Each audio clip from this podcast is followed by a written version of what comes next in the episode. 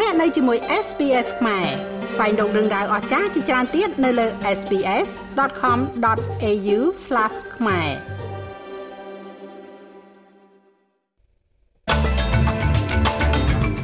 លោកនាយករដ្ឋមន្ត្រីតែងតាំងអ្នកសម្របសម្រួលសន្តិសុខអ៊ីនធឺណិតជាតិដំបូងគេរបស់អូស្ត្រាលីអ្នកការទូតរុស្ស៊ីម្នាក់អង្គុយនៅជិតវិមានរដ្ឋសភាទីក្រុង Canberra បន្ទាប់ពីមានការរារាំងចំពោះសំណើសុំបង្កើតស្ថានទូតថ្មី អ្នកជំនាញថានាវាមួយទឹកដែលធ្វើដំណើរទៅកាន់កប៉ាល់ទីតានិកនោះគួរតែត្រូវបានផ្ទុះខ្ទេចភ្លាមមួយរំពេច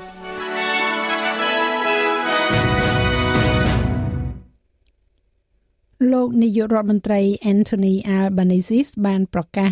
ថាអ្នកសម្របសម្រួលផ្នែកសន្តិសុខតាមអ៊ីនធឺណិតជាតិដំបូងគេបង្អស់របស់អូស្ត្រាលីគណៈដែលរដ្ឋាភិបាលសហព័ន្ធស្វែងរកដំណោះស្រាយការកើនឡើងនៃការលួចចូលនិងការគំរាមកំហែងតាមអ៊ីនធឺណិត មន្ត្រីផ្លូវអាកាសលោក Darren Goldie ត្រូវបានតែងតាំងឲ្យកាន់តួនាទីនេះដោយលោកនាយករដ្ឋមន្ត្រីបានកោតសរសើរការបម្រើការងាររបស់លោកនៅប្រទេសអូស្ត្រាលីអស់រយៈពេលជាង30ឆ្នាំ។អ្នកសម្របសម្រួលនេះរួមជាមួយនឹងការចាឡាយជាតិនៃសន្តិសុខតាមអ៊ីនធឺណិតនិងឆ្លើយតបទៅនឹងឧបទ្ទហេតុតាមអ៊ីនធឺណិតសំខាន់សំខាន់ហើយធ្វើការជាមួយនឹងរដ្ឋមន្ត្រីក្រសួងសន្តិសុខអ៊ីនធឺណិត Cyber Security ដើម្បីបង្កើតគោលនយោបាយអ៊ីនធឺណិត រដ្ឋមន្ត្រីក្រសួងមហាផ្ទៃលោកស្រី Claire O'Neil មានប្រសាសន៍ថានេះនឹងរួមបញ្ចូលការពង្រឹងកិច្ចសហប្រតិបត្តិការជាមួយនឹងវិស័យឯកជន There's a big conceptual shift we've got to make with cybersecurity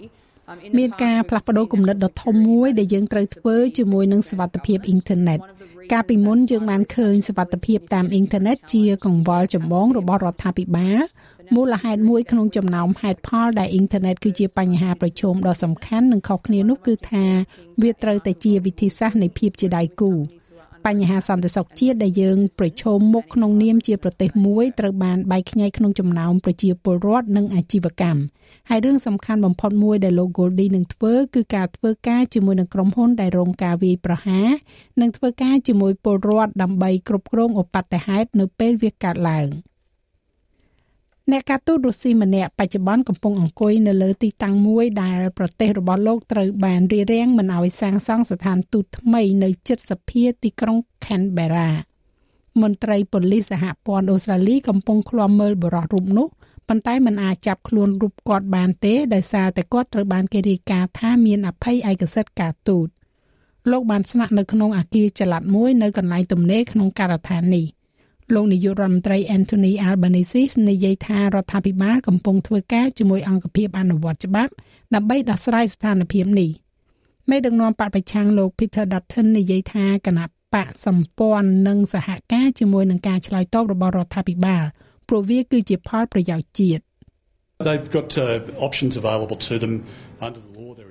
ពួកគេមានជំរើសជាច្រើនដែលមានសម្រាប់ពួកគេនៅក្រោមច្បាប់នេះមានជំរើសការទូតនិងអ្នកតំណាងដែលអាចធ្វើបានហើយពួកគេនឹងថ្លឹងថ្លែងនៅភាគហ៊ុនទាំងអស់នោះរួមទាំងវត្តមានដែលយើងមាននៅទីក្រុងមូស្គូហើយពួកគេនឹងធ្វើការសម្រេចចិត្តហើយយើងនឹងគ្រប់គ្រងការសម្រេចចិត្តទាំងនោះព្រោះវាជាផលប្រយោជន៍ដ៏ល្អបំផុតរបស់ប្រទេសយើង បុគ្គលិករុស្ស៊ីឬក៏អ្នកការទូតខ្ញុំមិនដឹងពីឋានៈរបស់គាត់ទេប៉ុន្តែទោះជាយ៉ាងណាក៏ដោយគួរតែដើរចេញពីកន្លែងនោះហើយគោរពតាមច្បាប់ប្រទេសរបស់យើងរដ្ឋាភិបាលសហព័ន្ធនិយាយថាខ្លួនមិនចាត់ទុកការអង្គុយក្នុងទីតាំងនេះថាជាការគំរាមកំហែងនោះទេ ទោះជាយ៉ាងណាគេរំពឹងថារដ្ឋាភិបាលទីក្រុងមូស្គូនឹងចាប់ផ្ដើមសកម្មភាពផ្លូវច្បាប់ដើម្បីតវ៉ានឹងច្បាប់ដែលឆ្លងសភាការពីសប្តាហ៍មុននេះដែលបដិសេធការចូលរបស់រុស្ស៊ីទៅកាន់ប្លុក Yara Luma ដោយហេតុផលសន្តិសុខជាតិអ្នកជំនាញខាងនាវាមុជទឹកនិយាយថានាវាដែលធ្វើដំណើរទៅកាន់កប៉ាល់ទីតានិកនោះគួរតែត្រូវបានផ្ទុះភ្លាមមួយរំពេចដោយគ្មាននរណាបានដឹងហេតុការណ៍នោះទេ នាវាមួយទឹកចូលទៅក្នុងបាតសមុទ្រដ៏ជ្រៅមួយដឹកមនុស្ស5នាក់ក្នុងដំណើរឆ្ពោះទៅកាន់បំណែកបែកបាក់របស់កប៉ាល់ទីតានិកនាវាមួយទឹកនេះត្រូវបានគេរកឃើញជាបំណែកបំណែកបន្ទាប់ពីគ្រោះមហន្តរាយមួយដែលបានសម្លាប់មនុស្សទាំងអស់នៅក្នុងនាវាប្រធានគណៈកម្មការនៃសមាគមបច្ចេកវិទ្យាសមុទ្រខាងនាវាមួយទឹកដែលមានមនុស្សបាវគឺលោក Will Cohen ពន្យល់ពីពេលវេលានៃហេតុការណ៍នេះ If a, a, an air balloon to a five year old and you tell it to poke it, it goes in a fraction of a second. The same thing happens. អ្នកឯងឲ្យ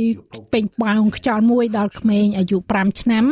ហើយអ្នកប្រាប់វាឲ្យចាក់ពេញប៉ោងនោះវានឹងផ្ទុះនៅក្នុងពេល1វិនាទីរឿងដដែលនេះកើតឡើងដោយបញ្ច្រាស់ក្នុងសមុទ្រអ្នកចាក់វាហើយក្នុង1នាទីនោះវានឹងផ្ទុះឡើងដូច្នេះការផ្ទុះវាគឺជាការផ្ទុះអវិជ្ជមានប៉ុន្តែវាដូចគ្នាវាជាគំរូដូចគ្នា វាបានផ្ទុះនៅខាងក្នុងរយៈពេល1វិនាទីហើយវាប្រហែលជាក្តីមេត្តាមួយពីព្រោះថានោះប្រហែលជាការបញ្ចប់ដ៏ល្អប្រសើរ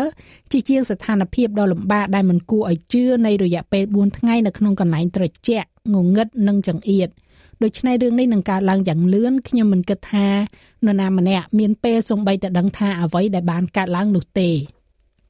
ក្រុមជួយសង្គ្រោះមកពីប្រទេសជាច្រើនបានចំណាយពេលអស់ជាច្រើនថ្ងៃដើម្បីស្វែងរកនៅក្នុងសមុទ្រដ៏ធំទូលាយរាប់ពាន់គីឡូម៉ែត្រការ៉េជាមួយនឹងយន្តហោះនិងកប៉ាល់សម្រាប់សញ្ញាណាមួយនៃ Nivea Titan ដែលមានប្រវែង22 feet នេះក្រុមហ៊ុន Ocean Gate ដែលមានមូលដ្ឋាននៅសហរដ្ឋអាមេរិកបាននិយាយនៅក្នុងសេចក្តីថ្លែងការណ៍មួយថា បរិះទាំងនោះគឺជាអ្នករករោគពិតប្រាកដដែលបានចែករំលែកស្មារតីនៃការផ្សងព្រេងផ្សេងគ្នាហើយក៏បានចូលរួមរំលែកទុកដល់ក្រុមគ្រួសារសពក្នុងអំឡុងពេលនេះមានការអំពាវនាវពីអ្នកវិទ្យាសាស្ត្រម្នាក់និងអ្នកកសែតគឺដុកទ័រ Michael Gulen ដែលបានចុះទៅទស្សនាកំទេចបាក់បែករបស់កប៉ាល់ Titanic កាលពី2ទសវត្សរ៍មុនឲ្យបញ្ឈប់ការធ្វើដំណើរទាំងអស់ទៅកាន់កន្លែងនោះរហូតដល់មូលហេតុនៃការបរាជ័យនៃនាវាមួយទឹកនេះត្រូវបានកំណត់ មានទូរស័ព្ទហៅសុំជំនួយរាប់រយដង បន្ទាប់ពីភ្លៀងធ្លាក់ខ្លាំងបានវាយប្រហារទីក្រុង Adelaide និងតំបន់ Hills ភ្លៀងនឹងថយចុះនៅថ្ងៃសុក្រនេះប៉ុន្តែគេរំពឹងថានឹងមានរលឹមច្រើននិងអាចមានព្យុះផ្គររន្ទះនៅចុងសប្តាហ៍រហូតមកទល់នឹងពេលនេះ SES បានឆ្លើយតបទៅនឹងការហៅទូរស័ព្ទចូលចំនួន240ខ្សែដើម្បីសុំជំនួយ ដែលភាគច្រើនតាក់ទងទៅនឹងការខូចខាតទ្រព្យសម្បត្តិនិងការជន់លិចតាមទន្លេ។ សេវាកម្មសង្គ្រោះបន្ទាន់កំពុងអំពាវនាវឲ្យអ្នកធ្វើដំណើររៀបចំផែនការធ្វើដំណើរដោយប្រុងប្រយ័ត្ននិងស្វែងរកផ្លូវជំនួសប្រសិនបើប្រឈមមុខនឹងទឹកជំនន់ភ្លៀងធ្លាក់ប្រមាណជា70មីលីម៉ែត្រត្រូវបានគេកត់ត្រាកាលពីម្សិលមិញហើយគេរំពឹងថានឹងមានភ្លៀងធ្លាក់បន្ថែមទៀតនៅថ្ងៃសុក្រនេះក្រុមហ៊ុនដែលស្ថិតនៅពីក្រោយឃ្លាំងផ្ទុកសារធាតុគីមីដ៏ធំមួយដែលបានឆាបឆេះយ៉ាងខ្លាំង បណ្ដាលឲ្យកម្មករម្នាក់សម្រាប់នៅមន្ទីរពេទ្យនិងបញ្ជូនផ្សែងហុយចេញពីក្នុងទីក្រុងមែលប៊ននោះបានរងការផាកពិន័យជិត3លានដុល្លារការពិន័យមកលើក្រុមហ៊ុន Bradbury Industrial Services គឺសម្រាប់ការខកខានមិនបានប្រុងប្រយ័ត្នឲ្យបានសមហេតុផល ការខកខានក្នុងការផ្ដល់នូវបរិយាកាសការងារប្រកបដោយសុវត្ថិភាព និងការបំពេញអាជ្ញាប័ណ្ណរបស់ខ្លួន។ ប៉ុន្តែគេមិនរំពឹងថាក្រុមហ៊ុននេះនឹងបង់ប្រាក់ពិន័យនោះឡើយព្រោះឥឡូវនេះកំពុងតែស្ថិតក្នុងការលក់ក្រុមហ៊ុនដើម្បីដោះបំណុលការផាកពិន័យនេះកើតចេញពីអគិភ័យដែលបានផ្ទុះឡើងក្នុងខែមេសាឆ្នាំ2019នៅពេលដែលនយោជិកម្នាក់កំពុងដកសារធាតុ Toluenen ដែលជាអង្គធាតុរាវដ៏គ្រោះថ្នាក់ដែលអាចសង្ស័យថាមានការឡើងនៅបន្ទុកអគ្គិសនី។ កម្មកររូបនេះបានចំណាយពេល3ថ្ងៃនៅមន្ទីរពេទ្យបន្ទាប់ពីភ្លើងឆេះហើយបានទទួលការព្យាបាលដោយរលាកមុខបំពង់កព្រមទាំងរបួសស្មាផងដែររដ្ឋាភិបាលកម្ពុជាបានសម្រេចបង្កើនថវិកាដល់មូលនិធិអភិវឌ្ឍជំនាញនិងសហគ្រិនខ្មែររដ្ឋាភិបាលបានបង្កើនថវិកា ចំនួន20លានដុល្លារសហរដ្ឋអាមេរិកសម្រាប់បណ្ដុះបណ្ដាលកម្លាំងពលកម្មជំនាញនៅកម្ពុជាក្នុងឆ្នាំ2024និងថវិកា10លានដុល្លារអាមេរិកទៀតសម្រាប់ពង្រីកសកម្មភាពរបស់សហគ្រិនខ្មែរលោកវងសេវិសិទ្ធរដ្ឋលេខាធិការប្រចាំការក្រសួងសេដ្ឋកិច្ចនិងហិរញ្ញវត្ថុនិងជាប្រធានក្រុមប្រឹក្សានៃមូលដ្ឋាន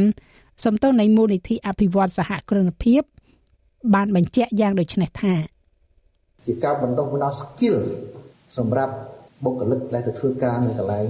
វិស័យឯកជនក្រុមហ៊ុនឯកជនប៉ុន្តែជាប្រភេទ skill តើយើងធ្វើ3គេហៅ triangle partnership គឺក្រុមហ៊ុន industry រដ្ឋជាអ្នកជំនួយហើយយើងមានអ្នកបណ្ដុះបណ្ដាល training service provider គឺជាអ្នកដែល qualify training service provider មិនតែណាក៏ដោយចេះតែបណ្ដុះបណ្ដាលបាន ចាលោកមេងផាឡានឹងជួនសេចក្តីរាយការណ៍ពិស្ដារនៅវគ្គក្រោយឬលោកអ្នកចូលស្ដាប់របាយការណ៍ពេញលើ sps.com.au/ ខ្មែរ FIFA បារម្ភថាមិនសូវមានការទិញសម្បត្តិ World Cup នារីនៅក្នុងប្រទេសនូវែលសេឡង់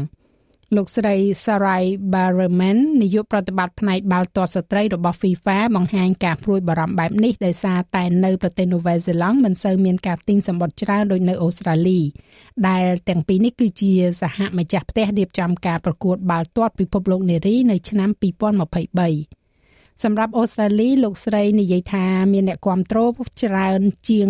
40000នាក់នឹងអាចចូលទស្សនាការប្រកួតកម្ដៅសាច់ដុំទល់នឹងក្រុមជម្រើសជាតិនារីបារាំងនៅថ្ងៃទី14ខែកក្កដានេះសម្បត្តិប្រមាណជាមួយលានសន្លឹកសម្រាប់ FIFA Women World Cup 2023ត្រូវបានលក់សម្រាប់ការប្រកួតពីថ្ងៃទី20ខែកក្កដាដល់ថ្ងៃទី20ខែសីហាក្នុងប្រទេសអូស្ត្រាលីនិងនូវែលសេឡង់ ចំណែកឯអត្រាប្តូរប្រាក់វិញ1ដុល្លារអូស្ត្រាលីមានតម្លៃប្រមាណជា67សេនដុល្លារអាមេរិកត្រូវនឹង2770រៀលប្រាក់រៀលខ្មែរ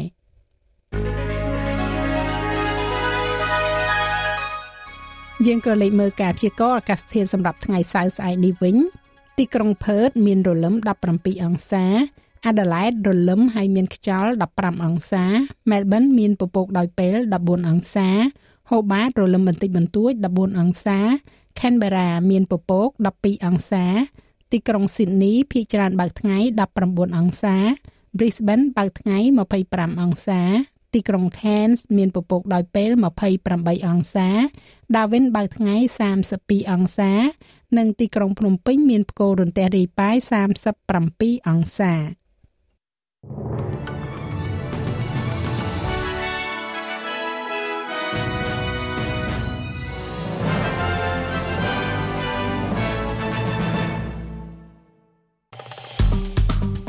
ចុច like share comment និង follow SPS ខ្មែរនៅលើ Facebook